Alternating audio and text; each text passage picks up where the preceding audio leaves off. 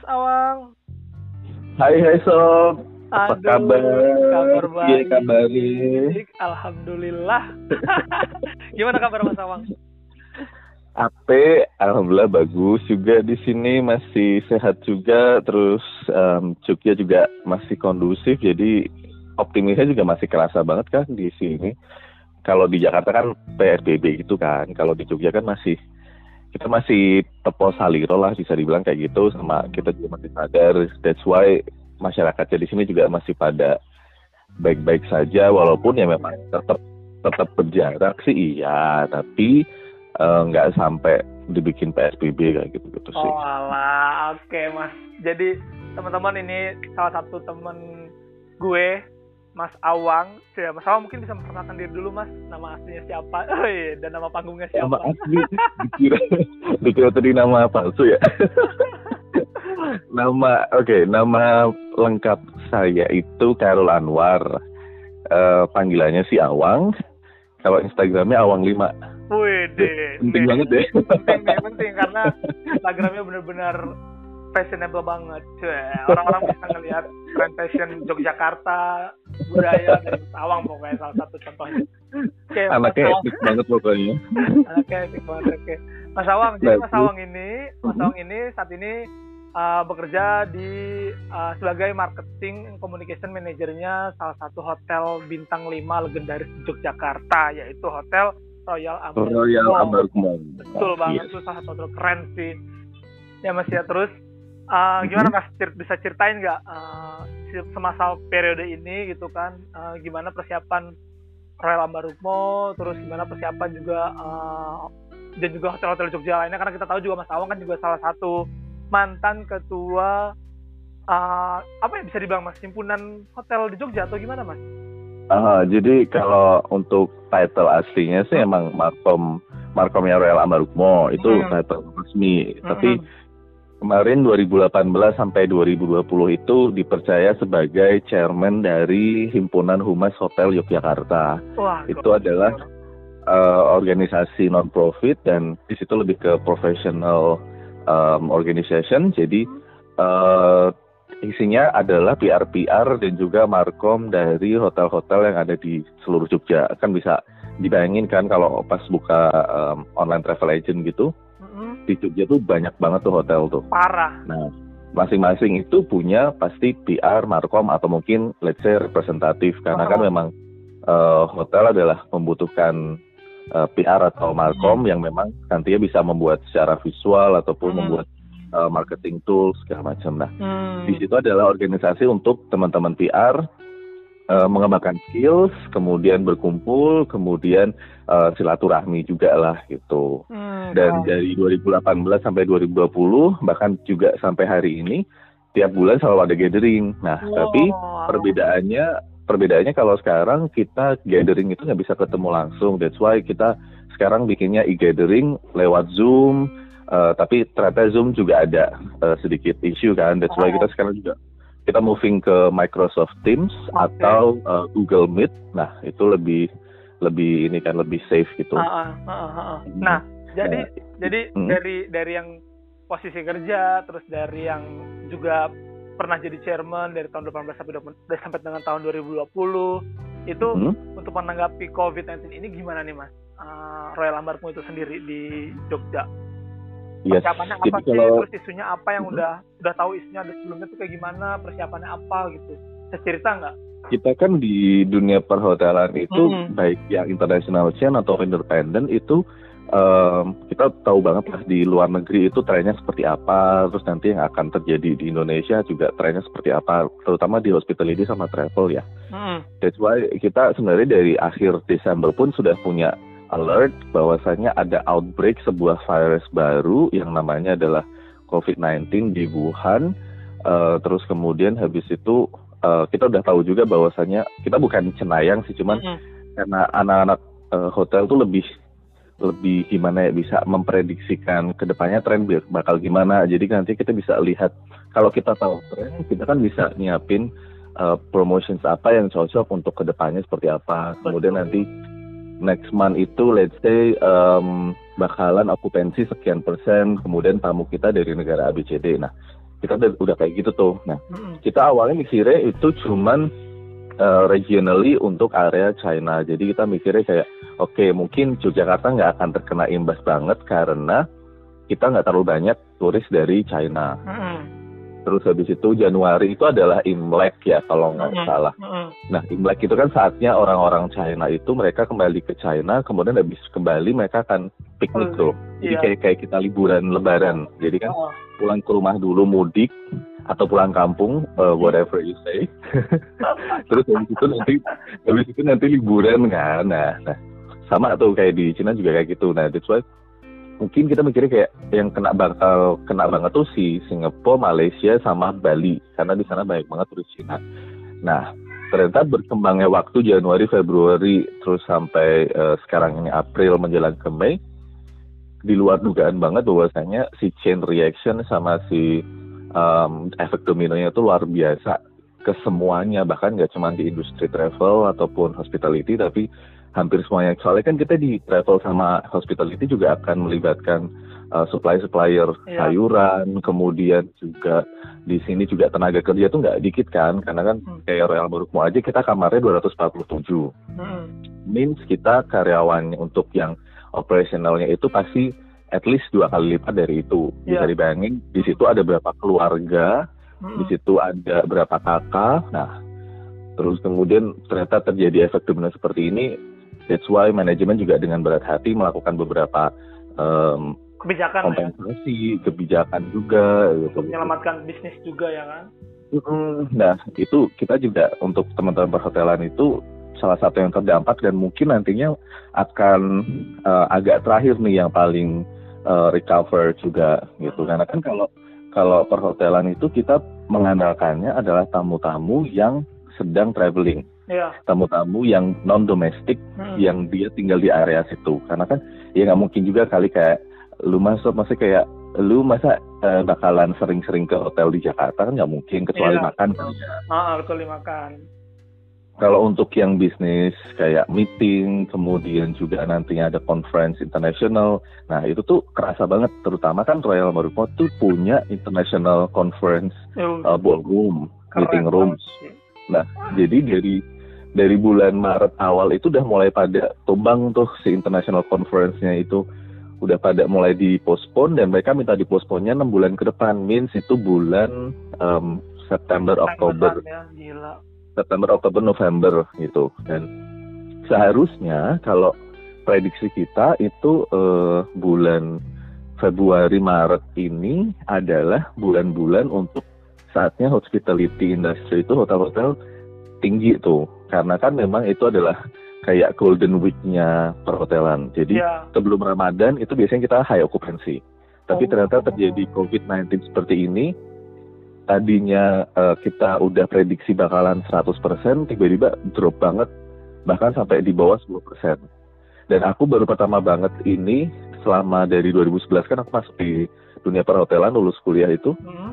sampai hari ini itu baru pertama banget ngelihat eh, posisi hotel ada okupansi di bawah 10%. 10%. Gokil. dan Ini itu adalah super super devastated banget jadi kayak bener-bener oh my god sampai gini banget ya di bawah 10% itu adalah katastrofik kalau kita bisa bilang karena memang eh, hotel di Bali pun itu di bawah 10% sama di Jogja juga sama terutama hotel tempat-tempat sorry apa kota-kota yang mengandalkan pariwisata dan juga tamu-tamu dari luar kota atau luar negeri kayak gitu jadi Gila. awalnya Jadi berdampak Maret banget mas ya. Hmm. Berdampak Iya, banget Maret. untuk untuk Berdampak banget. juga. Ya. Bayangin kayak Maret, Maret tuh kita harusnya closing untuk okupansi bulan Maret ya, average itu adalah sekitar 89 persen. Mm-mm.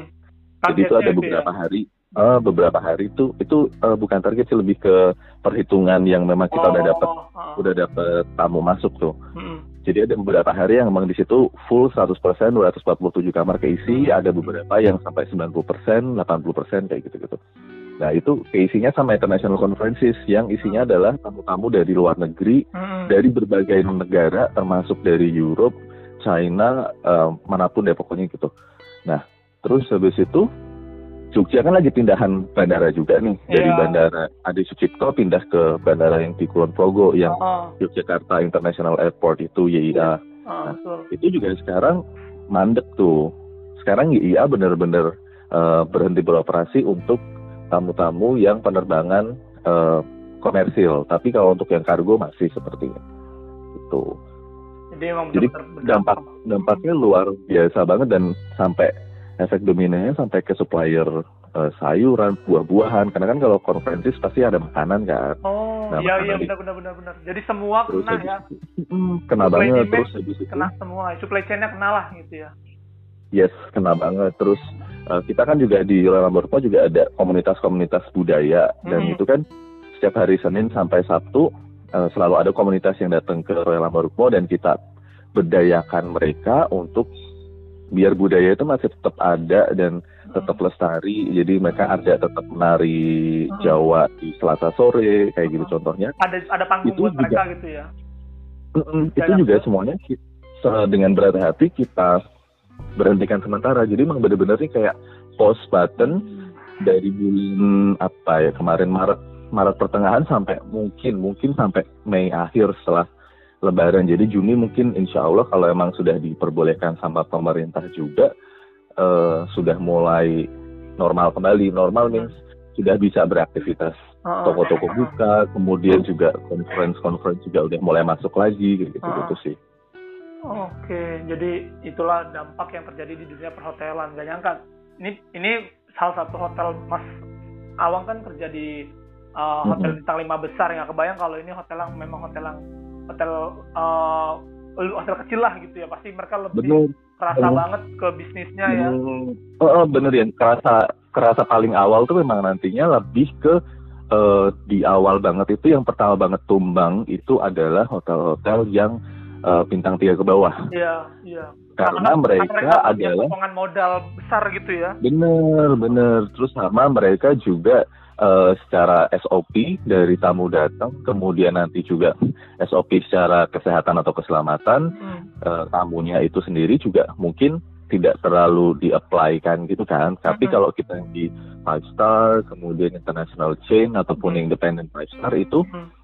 Uh, kita punya SOP dari kalau pada masuk itu nanti dicek dulu tasnya, dicek hmm. dulu suhunya. Nanti kalau ada yang mencurigakan juga nanti akan kita uh, karantina segala macam. Nah, kalau untuk yang tiga bintang tiga ke bawah itu biasanya uh, akan terasa lebih dahulu tuh atau yang kayak case house segala macam tuh mereka kerasa banget pertama banget yang kena imbasnya dari COVID-19 ini. Bener bener bener. Nah terus Mas Awang untuk hmm. uh, menyikapi itu, nah kan udah terjadi nih, ya kan uh, penurunan uh, apa namanya uh, pengunjung yang mau menginap di hotel uh, hmm. Mas Awang atau di hotel seluruh Jogja gitu. Nah udah rumor-rumornya tuh udah ada nggak sih kayak uh, hotel yang udah akhirnya udah tutup atau ngejual karena kemarin gue baca informasi di beberapa media juga katanya ada yang dijual kalau di Jakarta ya ada yang hotel lagi dijual dijual di e-commerce lagi berapa ratus itu tuh kayak gitu. Itu nggak tahu itu atau gimana maksud ke CNBC lah segala macam kan aku sempat baca juga kan kita teman-teman perhotelan sih agak ketawa-ketawa aja soalnya itu kayak yang masukin ke situ itu uh, eh, non official. Oh, oh, oh. uh, jadi dari... berhati-hati sama kalau di situ kan kalau e-commerce gitu kan siapa pun bisa bikin kan so betul, jadi betul. kalau kamu punya email kalau kamu udah ngisi di situ account kemudian nanti nulis segala macem mm -hmm. means you are registered kamu bisa jual apa pun di situ termasuk jual yang yeah. namanya adalah properti yeah. propertinya bisa hotel apartemen atau mungkin guest house atau mm. villa gitu mm nah itu tuh banyak banget yang kayak gitu jadi bahkan sebelum COVID-19 pun juga banyak banget beberapa hotel yang gede gitu tiba-tiba muncul di e-commerce harganya sekian sekian triliun gitu ya. sekian m gitu ya. jadi kayak padahal yang punya hotel sambil mengalinitkan dahi gitu loh. Ini siapa sih yang masukin? Dan akhirnya oh, report report ke e-commerce-nya itu bahwasanya itu bukan dari pihak kita gitu. Soalnya kan kalau kalau yang tahu investment sih ya mendingan bukan lewat e-commerce ya. Kalau yeah. e-commerce kan ya mendingan jualan jualan yang bisa dijual aja yeah. kali ya ya. Sepatu motor gitu kalau jualan yang triliunan mendingan pakai lawyer sekalian iya. deh atau masukin ke gitu ya. uh, uh, masukin ke stock exchange atau segala macam uh -uh. gitu nah ini makanya udah harus harus pintar-pintar tuh nanti kalau di situ ada yang terjadi penipuan uh, kita juga nggak bisa nggak bisa bantu cover nih sorry Uh, uh, uh. Jadi, Oh, jadi- jadi ini pesan juga buat teman-teman misalnya bisa aja yang dengerin gue nih ada yang jutawan gitu orang tuanya kan mau beli hotel jangan belinya di e-commerce yang pasti. Kalau udah pasti udah paham sih ya kayak gitu-gitu ya. Cuman Hmm, aneh aja tuh, jangan cukup- jadiin cukup jangan jadiin juga. itu sebagai jangan jadiin sebagai apa namanya itu standar juga bahwasanya harganya sekian gitu. Oh. bahkan biasanya sebuah hotel itu harganya bisa tinggi banget karena mereka udah punya brand ya kan? Uh, uh, uh. udah dikenal oleh luar biasa sama orang-orang gitu sama bonafit nih servisnya kayak gitu. Jadi nggak melulu hotelnya gede terus harganya mahal banget nggak nggak melulu gitu. itu jadi jadi itu sih lucu banget. Jadi memang isu tentang jual hotel di e-commerce itu memang sampai juga ke Jogja ya mas ya ke komunitas di Jogja Jogja. Bali, Jakarta tuh banyak banget yang Ba- Bandung terutama Bandung juga banyak. Jadi kan kita semenjak kemarin akhir eh sorry pertengahan Maret itu udah mulai dapet hotel-hotel mana aja yang sementara eh, temporarily itu tutup. Hmm. Temporarily itu means jadi dia bisa aja buka nanti let's say pas lebaran, pas Hmm. nanti banyak orang eh, datang atau mungkin datang dari liburan atau segala macam. Tapi kan Oh. ternyata nggak boleh mudik juga kan? Betul. Terus habis itu nanti persiapan bulan Juni kayak gitu gitu nah itu udah dapat banyak banget tuh. Nggak boleh mudik pulang kampung. Bilang sama polisi gitu ya mau ke mana? Pulang kampung pak. Oh boleh boleh. Kamu nggak mudik. Eh tapi tadi pagi gue baca berita eh, apa namanya? Eh, boleh mudik asalkan kita bawa surat eh, surat sehat peng- pengantar dari kelurahan yang urgensi gitu. Misal kita istri kita mau Ah. melahirkan atau orang tua kita sakit di kampung. Nah, itu kita minta surat itu dari kelurahan tempat kita Tetap- tinggal untuk tetap dibawa ada ke kampung. pengecualian ya berarti ya Ada ada tetap ada pengecualian. Gitu. oh Karena memang sulit juga sih kayaknya ya kalau kita ngelarang masyarakat Indonesia kan beda ya sama yang di Eropa, di Amerika. Bahkan di Amerika pun Mhm. juga waktu awal-awal mereka bandel banget nggak mau nggak mau di rumah aja kan Mhm, akhirnya mhm. sekarang mereka ngerasain sendiri dampaknya yang paling besar di seluruh dunia. Amit amit jangan sampai Indonesia seperti itu sih. Amit amit Oh, jangan sampai. ngeri banget. Nah terus balik lagi Mas Awang nih kan eh, apa namanya kemarin tuh kan eh, ada campaign tuh di Yogyakarta tuh yang campaign yang saling support kayak gitu kan. Itu bisa cerita nggak Mhm. sih tuh objektif campaignnya apa terus eh, apa yang Ah. dilakukan dari campaign karena keren banget itu campaignnya kalau gue lihat yang di Royal Ambarukmo ya hotelnya la- lampunya dibikin bentuk dinyalain kamar-kamarnya sehingga membentuk uh, love gitu dan itu maksudnya apa tuh boleh diceritain nggak mas? Aha, itu kan em, sejak pertengahan Maret kan kita udah dapat update bahwasanya hotel-hotel hampir ratusan hotel di Bandung, Jakarta, Bali itu melaporkan mereka tutup sementara dan akhirnya ada juga yang merumahkan karyawan, unpaid, bahkan ada juga yang benar-benar PHK break ya? kontrak, eh, break kontrak gitu. Terus em, di situ kita kan ingin membuat sebuah aksi di mana ya kita perhotelan kalau kita saling bantu kita juga gimana bantunya Ter- ternyata ini terjadi di semua kota semua negara kan Mm-mm. jadi kalau maunya kayak Jogja bantuin Bali lah kita Jogja pun juga masih butuh dana juga nih cash flow Betul betul. terus kemudian juga uh, let's say dari kita minta bantuan dari luar negeri juga ternyata luar negeri terjadi hal seperti ini juga dan Oh. mereka hospitality industry juga terdampak banget Uh-uh. So, yang bisa kita lakukan adalah kita punya building Mm. Uh, dan kita punya uh, lampu-lampu kamar di buildingnya kita itu bisa dibentuk dengan tanda hati. Mm-mm. Kenapa tanda hati? Karena tanda hati itu universal. Tanda hati itu bisa dibilang asalkan tanda hatinya nggak retak ya. Kalau Hmm. tanda hati retak tuh artinya you are broken hearted gitu. Sobri banget nih atau, kayaknya ada, nih. atau ada panahnya gitu ya. nah, kalau love itu kan um, universal. That's why kita bikin dan bikin di building-buildingnya teman-teman perhotelan itu Mm. di Jogja itu kita eh, pertamanya itu hanya beberapa hotel terus akhirnya waktu kita tanya mau join apa enggak karena ini adalah aksi solidaritas aksi solidaritas yang bisa menunjukkan emotion secara vibes Mm. dan juga emotion secara em, eh, support kepada teman perhotelan tapi juga bisa menjadi news word kepada teman-teman eh, media karena kan media adalah corong pemberitaan yang paling sering dilihat sekarang kan Mm, betul. dan kita masih butuh banget nih yang namanya positive information, positive news instead of um, update berapa banyak yang positif, berapa banyak yang wafat, kemudian berapa banyak yang sembuh. Kita tetap butuh yang namanya supply informasi yang di luar itu. gitu. betul banget.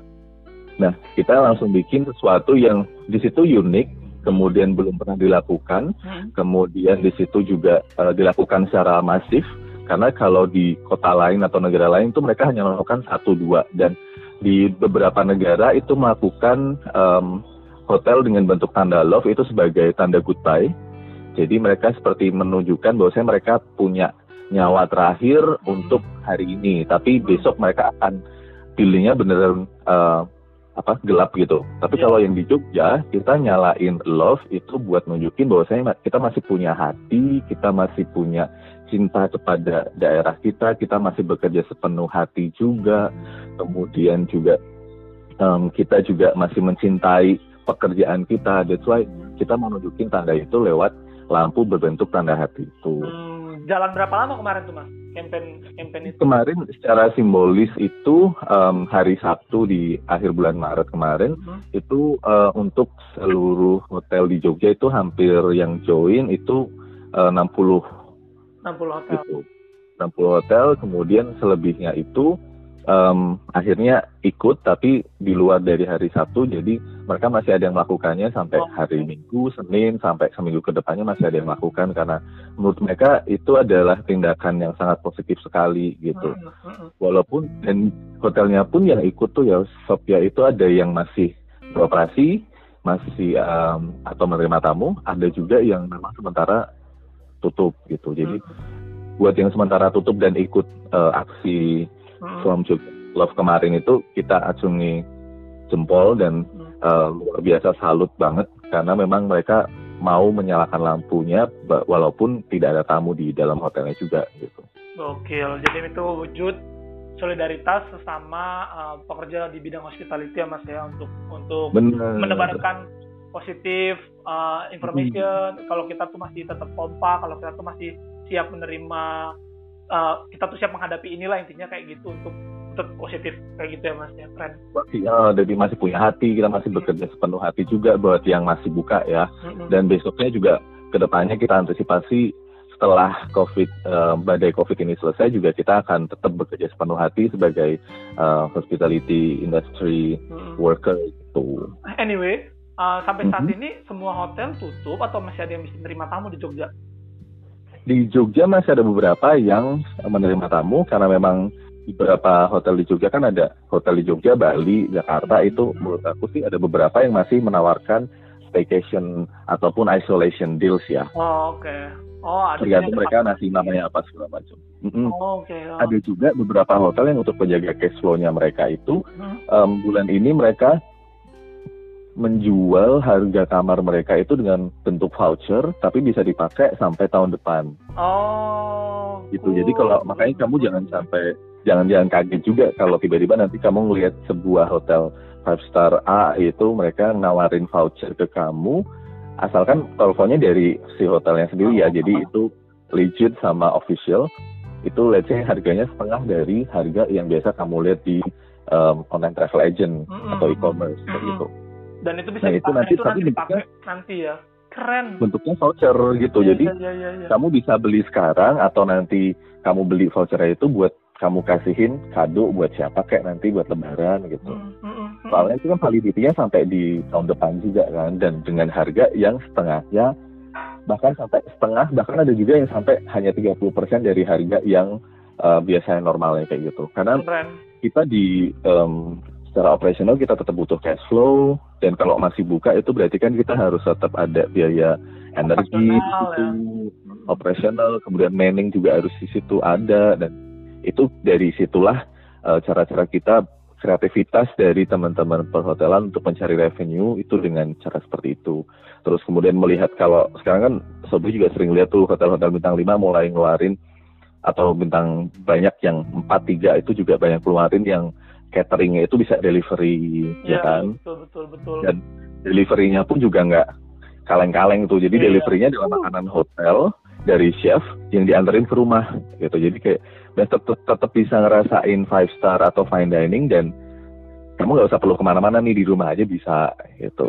Dan Aku ini bakalan jadi bakal jadi tren ke depannya seperti itu. Jadi kita sih di perhotelan juga udah nyiapin nih 6 bulan sampai satu tahun ke depan tuh nantinya akan seperti apa dan kita teman-teman Markom PR itu adalah salah satu um, katalisnya juga karena kita kan juga harus mencari informasi di luar negeri best practice-nya seperti apa, kemudian juga nantinya trennya seperti apa. Nah ini udah mulai kelihatan trennya bahwasanya ke depannya itu physical distancing itu masih akan jadi kebiasaan karena kita kan new normal uh, ya new normal iya jadi kayak kayak habit itu kan kalau udah kebiasaan selama dua bulan 60 hari itu akan jadi kebiasaan setiap hari itu iya benar nah itu tuh nanti physical distancing mungkin akan tetap jadi um, habit kemudian juga nanti um, SOP mengenai uh, pengecekan kesehatan itu juga akan tetap akan ada di tiap perhotelan ataupun bahkan juga guest house.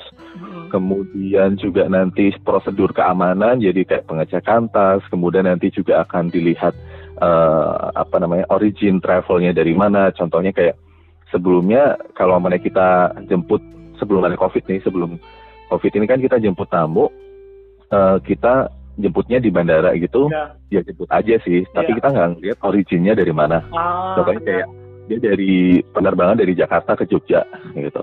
Tapi kalau sekarang kita akan melihat tuh, oh ini ternyata tamunya uh, flight dari Jakarta ke Jogja turun jam sekian jam sekian. Jadi kita akan melihat, oh ini Jakarta nih. Jadi di situ mungkin ada potensi, tapi bukannya seuzon ya, tapi ya, kita lebih ke precaution. Ya. Uh, jadi itu nanti akan masuk ke SOP juga. Itu akan jadi tren. Kemudian tadi trennya juga tetap akan ada food delivery ke rumah. Kemudian um, trennya juga mungkin nanti akan ada tetap meeting-meeting um, yang mungkin di tempat masing-masing, uh-huh. Bukan di hotel karena kalau di hotel kan means kamu akan bercampur dengan tamu yes. dari kota atau negara lain. Uh-huh. Jadi contohnya nanti kamu mau meetingnya di kantor kamu doang nih sob, tapi makanannya makan hotel. Itu nanti kita akan kirim ke sana dan nanti ada orang hotel yang tetap nge-serve kamu. Jadi meeting ala hotel tapi di office itu nanti akan jadi tren juga. Itu kita udah memprediksikan juga dan kita sudah mempersiapkan juga nanti SOP-nya seperti apa kayak gitu gitu. Wah gokil jadi udah banyak banget hal yang dipersiapkan dan dilakukan juga untuk mengadaptasi ya mas ya adaptasi mm -hmm. sama situasi COVID-19 ini keren ceritanya keren banget mas Awang. Uh, ya gitu jadi pokoknya kita kalau kalau apa kayak kita nggak adapt ya kita nantinya bakalan selamanya tidur gitulah jadi yeah. kita harus adapt or die gitu.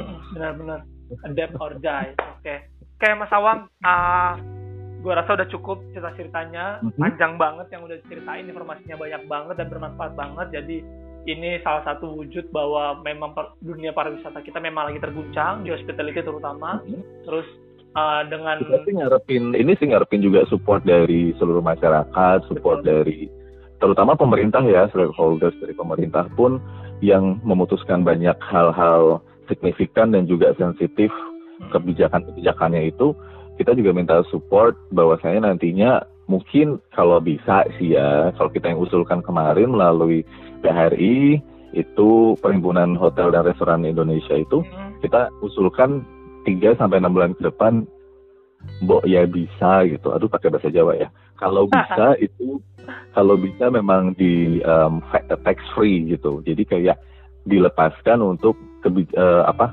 beban untuk kita membayarkan pajak ke hmm. pemerintah gitu. Hmm. Karena kan memang dunia pariwisata, travel industry itu adalah salah satu penyumbang uh, pajak terbesar kan di Indonesia dan itu everyone knows about it. That's why kayak kita untuk bisa bangkit lagi dan bisa menjadi penyumbang uh, pemasukan negara terbesar itu ya kita disupport dulu kayak gitu. Karena kan kita emang ini ini faktor banget nih.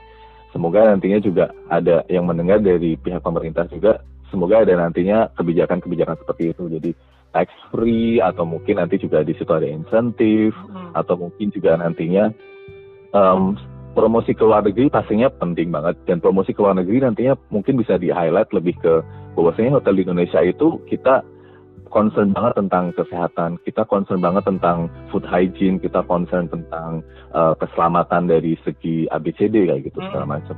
Amin. Jadi memang cuma support gak cuma promosi kalau hmm, gak cuma promosinya itu kalau selama ini kan promosinya masih uh, Indonesia tuh cakep banget. Yes. Jadi ada Pulau Komodo, yeah. ada ada Pink Beach, ada uh, Keraton Jogja gitu gitu. Nah ini lebih ke disampaikan bahwasanya selain ada keindahan itu, kamu sampai ke Indonesia dan sampai pulang ke negara lagi, kamu akan selamat dan kamu akan sehat-sehat gitu. Oh, Nah, itu- itu, perlu itu- di perlu di highlight tuh. Itu tugasnya Wonderful Indonesia nanti salah satunya ya. Tugasnya tugasnya Sefina, Kemenpar. Kemenpar ini tugasnya ini. Aduh, oke. Kita Tips sem- kita sempat, sempat lihat ada mitigasi dari Kemenpar juga mengenai eh, nantinya akan seperti apa sih dunia industri pariwisata setelah COVID-19 ini dan di situ udah tertulis juga beberapa hal-hal kebijakan pemerintah yang mungkin akan dilakukan tapi kita masih belum melihat nih. Karena mungkin kan memang pemerintah sekarang fokusnya lebih ke keselamatan secara masif masyarakat Indonesia secara menyeluruh ya. Jadi nanti setelah itu baru mereka akan fokus ke masing-masing industri. Cool. Oke. itu jadi selama ini sih kita juga tetap harus support teman-teman yang uh, dirumahkan terus kemudian kita juga masih kontak-kontakan juga dengan teman-teman yang unpaid kemudian di kota lain kita juga masih kontak-kontakan nih gitu karena kan kalau teman-teman hotelier tuh kan kenal satu sama lain kan jadi kita saling support gitu. Keren. Keren Mas Awang. Jadi semoga apa yang sudah dipersiapkan dan juga nanti promosinya juga dari pemerintah bisa disupport. Terus juga kelonggaran-kelonggaran teks juga bisa disupport sama pemerintah dan uh, industri perhotelan bisa recovery dengan cepat lagi ya Mas ya. Amin. hopefully amin banget amin karena kan emang juga di situ banyak banget tuh yang menggantungkan hidupnya di Betul. dunia pariwisata kan Betul. apa namanya kayak penyewaan mobil di situ ada juga guide itu kan juga tergantung dari tamu-tamu dari luar negeri luar kota yang datang ke kotanya atau destinasi itu Betul. Oke. Oke, Mas Awang kayaknya cukup sudah kita bercerita-cerita uh, tentang dunia perhotelan dan pariwisata, terutama di Yogyakarta. Semoga bisa kembali lagi dengan cepat, dengan bisa pulih dengan cepat dan kita bisa uh, kembali bisnis bisa kembali lagi berjalan dengan sebagaimana mestinya. Dan kita bisa Amin. ketemu lagi nanti tentunya ya Mas ya untuk berbagi cerita secara langsung. amin yang penting sekarang yang dijaga yang dijaga harus masing-masing kesehatan pribadi dulu lah Betul. ya Betul. kesehatan dari fisik sama kesehatan mental itu penting banget Betul, betul. Betul. Oke, Mas Awang. Thank you very much sudah berbagi cerita di podcast gue. Semoga cerita terima kita juga bisa bermanfaat buat yang dengerin juga bisa tahu bahwa dunia perhotelan itu juga siap untuk uh, dan survive untuk ke depannya dan mereka semua bisa kembali lagi menikmati fasilitas-fasilitas yang diberikan di hotel-hotel terutama di Hotel Royal Ambaruk Gokil. praise the Lord Matur nuwun juga Sobri buat kesempatannya juga dan teman-teman yang mendengarkan juga semoga bisa uh, bisa dicatat sama bisa diaplikasikan juga. Amin. Siap. Thank you Mas Awang buat sharing-sharing ceritanya. Sampai ketemu lagi di pertemuan selanjutnya atau di next podcast ya Mas ya. Oke. Yoi, Sob. Thank you. Bye Mas. Awang. Bye.